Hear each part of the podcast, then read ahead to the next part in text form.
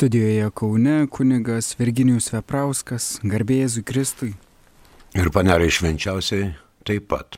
Malonūs Marijos radio klausytojai, girdima laida aktualieji bažnytinės teisės klausimai. Turime jau atėjusią žinutę, prašom. Garbėjėzui Kristui, kodėl popiežius Pranciškus nepasmerkė Kirilo karo nusikaltimų atliekamų Dievo vardu, tai yra karinės technikos laiminimo? Na, o kodėl popiežius privalėtų pasmerkti Kirilą? Dėl to, kad jis karinę techniką laimina.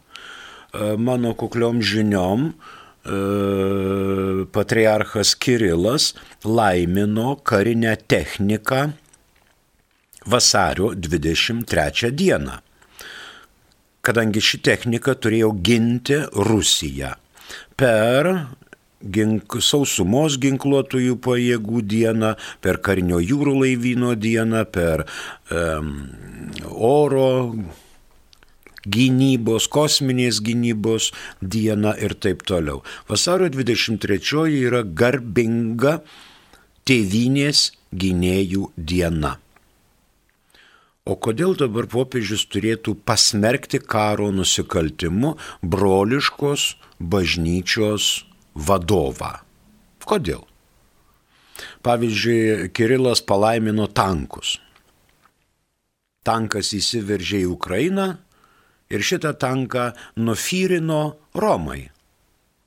Ir apsuko Ir šitas tankas jau šaudo į buvusius šeimininkus. Tai čia dabar sakyti, kad laimina karą arba karinis nusikaltimas tikrai ne. Kiekvienas, kiekvienoje valstybėje bažnyčia meldžiasi už savo ginkluotasias pajėgas. Pravoslavų bažnyčia Lietuvoje taip pat meldžiasi už Lietuvos ginkluotasias pajėgas. Už valdžią, už vyriausybę kad Lietuvos ginkluotosios pajėgos gintų kraštą nuo užpuolikų. Viskas čia tvarkoj. Nemanau, kad popiežius turėtų sakyti, kad e, patriarchas Kirilas įdaro karinį nusikaltimą. Vasario 23 dieną šventindamas ginkluotasias pajėgas Rusijos federacijos. Ačiū. Dar kitą klausimą turim, prašom. Ar Rusija kada nors jau yra paukota švenčiausiai mergeliai Marijai, ar rytoj bus pirmas kartas? Nesu girdėjęs, kad būtų oficialiai paukota, gal tą darė palaimintas Teofilius Matuljonis, kai dirbo Piteryje ar dar kur nors gal jis meldėsi Marijos pagalbos ir globos Rusijai, tačiau rytoj bus turbūt pirmas kartas, kai Rusija bus paukota švenčiausiai mergeliai Marijai. Aišku, valdžia gal bus ką nors ir girdėjusi apie tai, bet jinai nei sutiks, nei norės, nei pageidaus. Ta darys popiežius, žinoma, rytoj eisime visi kryžiaus kelius vakare ir bus atnašaujama šventųjų mišių auka šitą intenciją, kad ten atsikvošėtų. Ačiū. O mes einame prie 1201 kanono. Jis toliau kalba apie priesaiką. Du paragrafai. Pažadančioji priesaika priklauso nuo veiksmo, su kuriuo siejama prigimties ir sąlygų. Antrasis jei priesaika yra susijęta su veiksmu, tiesiogiai nukreiptų į žalą kitiems arba nuostolį viešajam gėriui arba amžinajam išganimui, dėl to veiksmas neįgyja jokio patvirtinimo. Porą minčių prie šio kanono kas šaukėsi paties Dievo vardo autoriteto ir prisiekia į ateitį. Tokiu būdu nekeičia pažado arba priesaikos savyje, bet įveda naują prasme, dėl pamaldumo, nes šaukėsi Dievo vardo, šaukėsi Dievo autoriteto. Jei priesaika duodama su sąlyga, o ši sąlyga yra neįvykdoma, priesaika neneša jokių pasiekmių. Arba jeigu priesaika yra terminuota, prisiekiama metams, dviems metams, savaitėj, tai pasibaigus terminui jau priesaika nebegalioja. Tokios yra sąlygos. Antroji mintis. Jei priesaika prisiekiame darbu ar morališkai, ar sociališkai, socialinė prasme priesaika yra įdinga šaukiantis Dievo vardo, neįgauna religinės dorybės palaikymo. Jeigu pati priesaika turi medžiagą savyje įdinga tiek moraliai, tiek socialiai. Galima šauktis Dievo vardu, tačiau jeigu tai yra susijęs su įda, priesaika neįgauna religinės dorybės palaikymo. Čia analogija su 1199 pirmojų paragrafu. Priesaika tai yra Dievo vardo šaukimasis tiesai paliūdyti, gali būti duodama tik laikantis tiesos, išminties ir teisingumo. Ir iš vis, jeigu to nėra, priesaika gali būti savyje negaliojanti. 1917 m. kanonų teisės kodeksas normino 1318 kanonu. Rytų kanonuose 1201 atitikmens nėra fiksuojame. Pirmasis paragrafas. Pažadančioji priesaika priklauso nuo veiksmo, su kuriuo siejama prigimties ir sąlygų. Antrasis. Jei priesaika yra susijęta su veiksmu, tiesiogiai nukreiptų į žalą kitiems arba nuostolį viešajam gėriui, arba angažuojamam išganimui, amžinajam išganimui, dėl to veiksmas neįgyja jokio patvirtinimo. Jis yra niekinis. Kitas kanonas 1202. Pažadančiosios priesaikos sukelta pareiga išnyksta keturiais variantais. Pirmas jai atleidžiama to, kurio naudai buvo duota priesaika. Antras.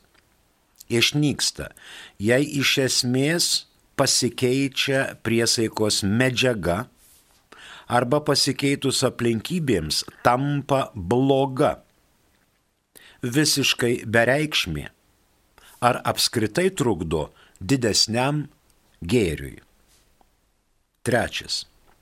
Išnyksta išnykus galutiniam tikslui arba sąlygai, su kuria galbūt buvo duota priesaika.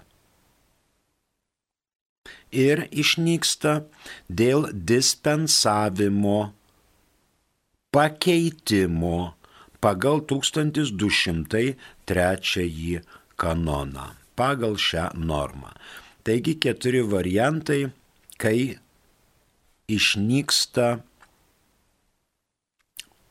priesaikos sukelta pareiga. Tai mes ir turim keletą minčių. Čia, kaip matote, priesaikos vidinės ir išorinės priežastys.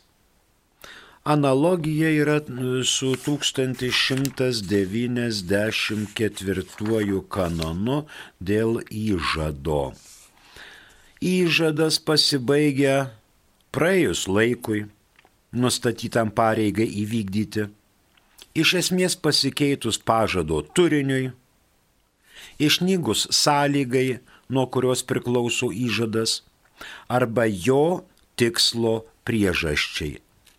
Taip pat dėl dispensavimo arba pakeitimo. Bet, čia girdėjom įžadą, priesaika turi savo tam tikrą specifiką, nes priesaika nėra įžadas. Antroji mintis charakteringas toksai bruožas prie šito pirmojo, kan, pirmosios minties, jeigu atleidžia tas, kurio naudai buvo sudaryta priesaika. Vėl 1201. Pažadančioji priesaika priklauso nuo veiksmo, su kuriuo siejama prigimties ir sąlygų. Kieno naudai daroma priesaika. Tas gali ir atleisti. Ir toliau vyresnysis negali atleisti nuo priesaikos. Ta jau normino 1319 e, kanonas 1917 metų redakcijoje. Įžada gali atleisti dispensuoti, o priesaikos vyresnysis negali atleisti ir negali dispensuoti. Tai būtų 1202 kanonas. Rytų kanonuose atitikmens 1202 nėra. Fiksuojame 1202 pažadančiosios priesaikos sukelta pareiga išnyksta. Jai atleidžiama to, kurio naudai buvo duota priesaika. Man buvo duota priesaika, aš atleidžiu tą žmogų nuo priesaikos, da, reiškia, pasiekmių. Antras. Jei iš esmės pasikeičia priesaikos medžiaga arba pasikeitus aplinkybėms tampa bloga, visiškai bereikšmė ar apskritai trukdo didesniam gėriui. Trečiasis. Išnykus galutiniam tikslui arba sąlygai, su kuria galbūt buvo duota priesaika. Ir ketvirtas, dėl dispensavimo, pakeitimo pagal 1203 kanono normą. Tuoj pat aiškinsimės ir 1203. Štai jis. Tie, kurie gali sustabdyti, dispensuoti, pakeisti įžadą, tą pačią galę ir tuo pačiu pagrindu turi dėl pažadančiosios priesaikos. Tačiau, jei dispensa nuo priesaikos galėtų sukelti nuostolį tiems, kurie atsisakytų atleisti nuo pareigos, nuo priesaikos gali dispensuoti tik apaštalų sostas. Tai čia vėl grįžtim galim prie įžadų 1195-1197 tai alegorija, aluzija į įžadą. Nors dabar kalbame apie priesaiką. Šita aluzija į dabartį ir praeitį neveikia. Veikia tik tai į ateitį dėl dispensavimo, dėl pakeitimo, taip sakant, pažadančiosios priesaikos. Ne to, kas buvo, bet to, kas bus. Antra mintis. Prie į ateitį visuomet rišasi ir pareiga. Priesaika į ateitį, reiškia paža, pažadančioji priesaika, visuomet yra siejama su tam tikra pareiga kitam asmeniui. Vėl 1201 iliustruoja. Pirmasis paragrafas. Pažadančioji priesaika priklauso nuo veiksmo, su kuriuo siejama, prigimties ir sąlygų. Kokia tos pažadančiosios priesaikos prigimtis ir sąlygos. Čia papildomos dispensos nuo atleidimo tikrai nereikia. Trečioji mintis. Jei kas nenori atsitraukti nuo priesaikos, tas, kuris davė priesaiką, na jis nenori atšaukti, nors jam sudarytos sąlygos, nenori atšaukti priesaikos gėrio. Tokiu būdu nuo šios priesaikos laikymosi, nuo pareigos laikytis priesaikos atleidžia tik tai apaštalų sostas. Tas, kuris atsisakytų atleisti nuo pareigos, nuo priesaikos, tą gali dispensuoti tik tai apaštalų sostas. 1917 m. kanonų teisės kodekse tą reglamentavo 1320. Ir dabar ketvirtoji mintis prie 1203 mums iliustruoja 1197. Privačiu įžadu pažadėtą darbą didesniu ar tokiu pačiu gėriu gali pakeisti ir pats pasižadėjusysis, o mažesniu gėriu pakeisti gali tas, kuriam priklauso dispensavimo gale pagal 1196 kanono normą. Reiškia, pats asmuo gali pakeisti į lygiavertį ir aukštesnį gėrį. Tačiau pats pasirinkti to negali. Tam turi būti svarbi priežastis, o į didesnį o į mažesnį gėrį taip pat jis negali. Gali į lygiavertį ar aukštesnį gėrį pats pakeisti, o į žemesnį tikrai nėra. Dėl priesaikos stabdo arba pakeičia priesaiką tik tai apaštalų sostas. Dar mums paminėtas yra 1196 kanonas. Galbūt jį dar priminkime. Be Romos popiežiaus dėl pateisinamos priežasties nuo privačių įžadų gali dispensuoti, jei tik dispensavimas nepažeidžia kitų įgytosios teisės. Vietos ordinaras ir klebonas dėl savo pavaldinių taip pat ir keleivių. Antrasis. Popiežinės teisės dvasininkų vienuolinio instituto ar popiežiaus teisės dvasininkų apaštališkojo gyvenimo draugijos vyresnysis dėl narių, naujokų ir asmenų visą parą gyvenančių instituto ar bendrijos namuose. Ir trečiasis tie, kuriems apaštalų sostas ar vietos ordinaras delegavo dispensavimo galę. Tai 1203 pabaigėme. Dabar eikime prie paskutinio e, šitame skyrelyje apie priesaiką 1204.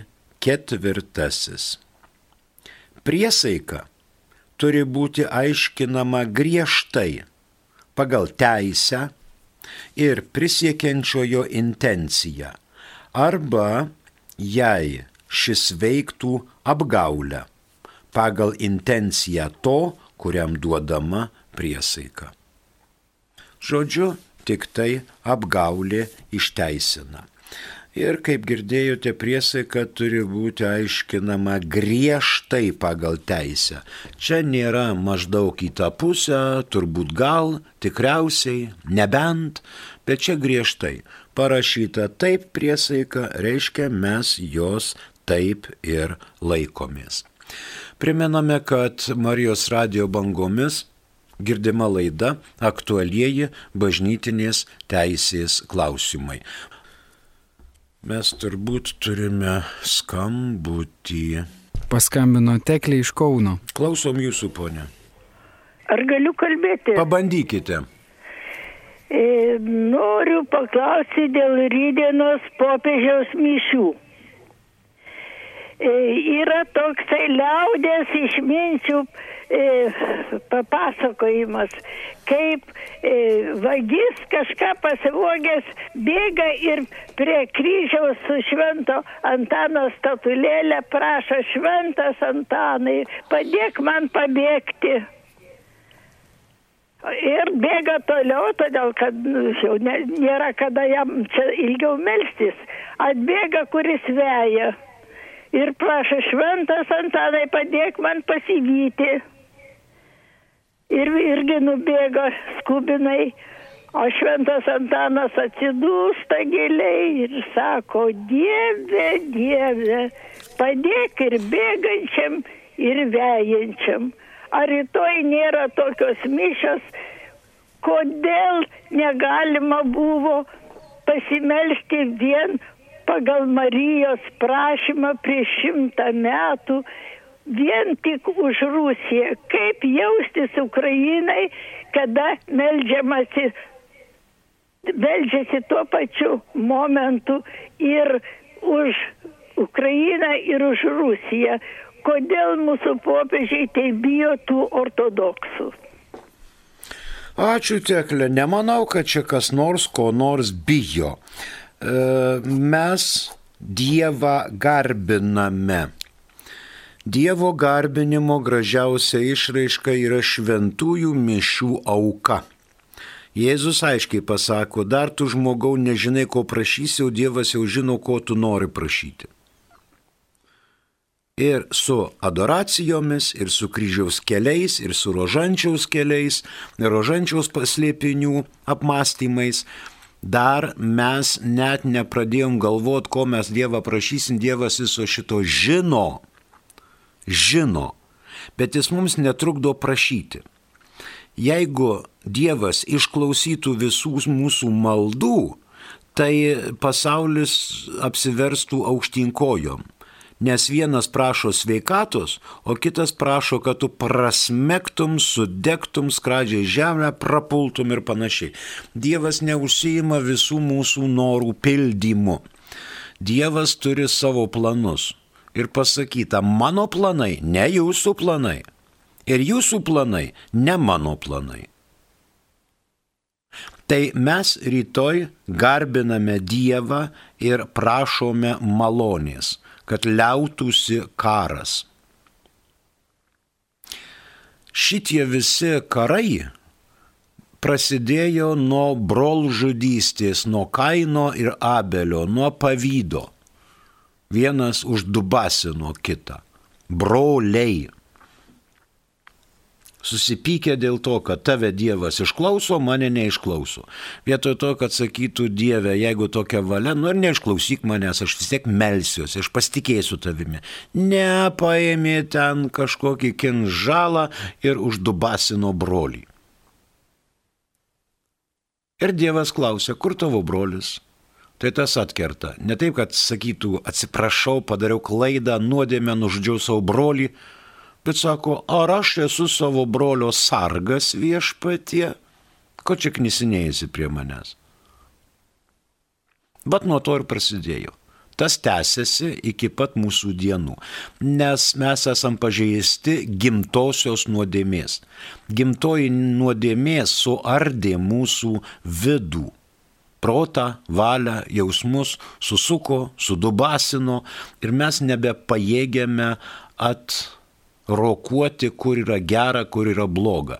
Ne taip, kad nepajėgėme, bet sunku šito laikytis, nes žmogaus puikybė neleidžia patikėti, kad Dievas yra meilė. Mūsų puikybė neleidžia daryti gerą kitam, artimui, žmogui, kuris irgi yra Dievo sukurtas. Mes to nenorime. Arba nenorime norėti. Reikėtų pradėti užsinorinti, norėti, kad būtumėme geresni. Aišku, dabar mes čia kaip vaikštom kol kas e, taikioje žemėje, šitoje taikioje žemėje ir galvojam, na pasirodykit, tai mes toj molotovo kokteiliais užmėtysim ir panašiai. Bet matot, karas yra karas. Jeigu mes ginkluoti, o jie beginkliai, tai labai lengva.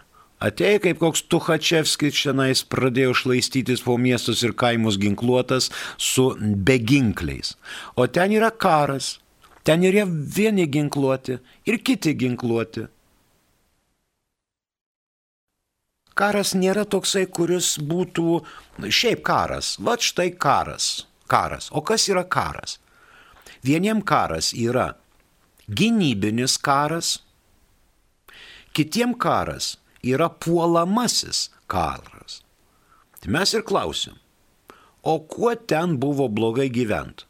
Kodėl reikėjo lysti, kiršinti, daryti žaizdas? Kodėl? Karas.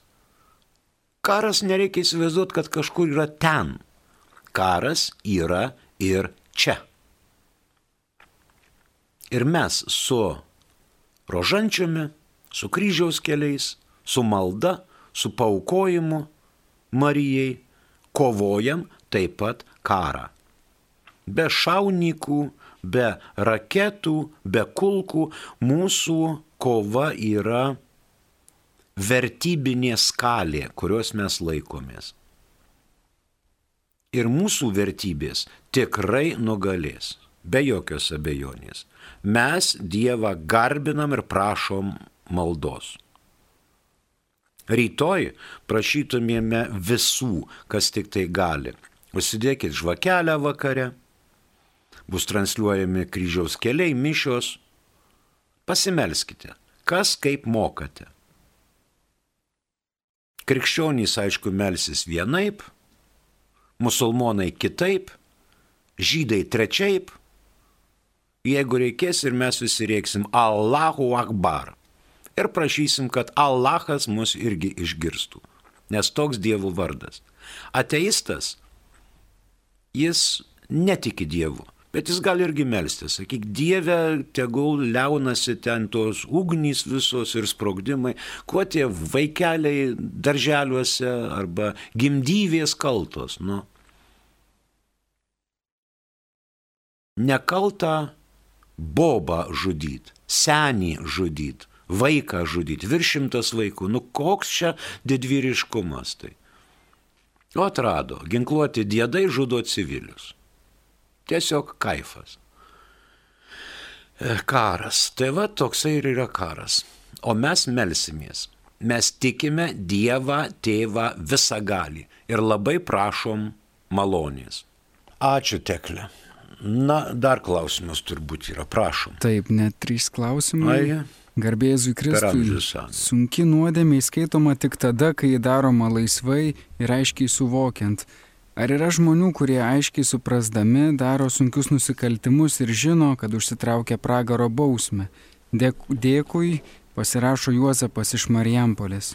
Juozapai trys sąlygos yra - su pilnu valios pritarimu, pilnu proto pažinimu ir sunkiame dalyke. Jeigu aš einu šalia gatvė ir nusispjaunu su skrepliu, harkalais, tai pilnai suvokiu, kad man čia gomurys gerkliai ir nusispjoviau, reiškia, ant šaligatvio, žinodamas, kad negerai, na bet sveikatos dalykas. Jeigu aš matau kokį nors plakatą su diktatoriška simboliška simbolika ir harktelėjau ant to ten veido arba ant tos juostelės arba dar ant ko nors, tai aš žinau puikiai, sąmoningai ir tą darau.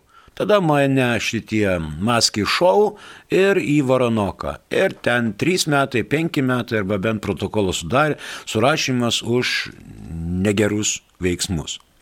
Dabar svarbiame dalykė. Svarbus dalykas tai dešimt dievų įsakymų ir penki bažnyčios įsakymai. Jeigu šitos žaidžiam, aš, dar, aš darau sunkę nuodėmę. Norint padaryti sunkę nuodėmę, dar reikia e, daug pastangų padaryti, kad tai būtų pilnai suvokta, pilnai padaryta. Ir jūs negalvokit, kad žmogus tai yra robotas, įkišai programą. Mhm. Pilnas proto pažinimas, pilnas valios pritarimas, sunkus dalykas, viskas. Tau mirtis, smerčius, velniukai, smala, šakės. Žmogus yra sukurtas į Dievo paveikslą ir panašumą, jis turi dar galę gailėtis. Ir kai kam dar laikas neišseko. Kai kam dar laikas neišseko, dar yra laiko gailėtis. Ačiū. Dar klausimėlis, prašom. Viena santuoka civilinė, antra civilinė, o jau trečia su bažnyčia. Bet jei irgi santoka išyra, tai bažnytinis teismas tikrai tokią santoką anuliuoja. Kodėl tai paplaidžiai kanonų teisė leidžia? E, nesupratau klausimą, kodėl taip aplaidžiai kanonų teisė leidžia. Dar nepasakyta, kad šitą trečią bažnytinę santoką anuliuoja. Jeigu frajeris buvo du kart civilinėje santoko ir nori trečią santokas daryti su bažnyčia, jis turi dar trupučiuką įrodyti, kad jis pasiruošęs tokiai santokai. Tas pats ir su ta moterėlė, kuri e, ruošiasi lygiai tą patį padaryti. Tam ir yra tyrimukas, tam ir yra bažnytinis tribunolas. Kiekvienu atskiru atveju yra atskirai. Čia reikia jau žiūrėti atskirai. Ačiū. Dar vienas klausimas. Sveiki, turiu žmoną, esu vedęs. Kai vis dar pamatau simpatišką merginą ar moterį, atkreipiu ją dėmesį ir noriu pakalbinti, pabendrauti ir galbūt paevangelizuoti. Ar kaip katalikas nedarau nuodėmės? Tikrai ne, bet jeigu šalia jūsų yra žmona mylima ir jūs atsisukinėjate į tas, taip sakant, ypatingas merginas, kurias norite evangelizuoti, tai ko gero nesulauks dideliai pritarenčio žvilgsnio iš mylimos žmonos. Taip kad esate vienas kūnas. Jūs kaip vyras ir žmona kaip moteris. Ir matot, vienam tai simpatinga, kitam tai nesimpatinga mergina arba moteris. Ir jeigu per daug dažnai grežiojatės, tai galite, galite būti neteisingai suprastas savo pačių artimiausių asmenų. Ačiū, mūsų laikas išseko, dėkoju už klausimus, jeigu turite, siūskite, kitoje laidoje bandysim vėl šiek tiek pasiaiškinti. Rytoj maldų diena. Rytoj pasninkas. Susilaikome nuo mėsiškų valgių vartojimo ne dėl figūros, ne dėl sveikatos, bet dėl religinio motyvo. Kviečiu visus vakare melstis ir gnostikus, ir agnostikus, ir musulmonus, ir žydus, ir ateistus, ir katalikus, ir kitos krikščioniškas bendruomenės.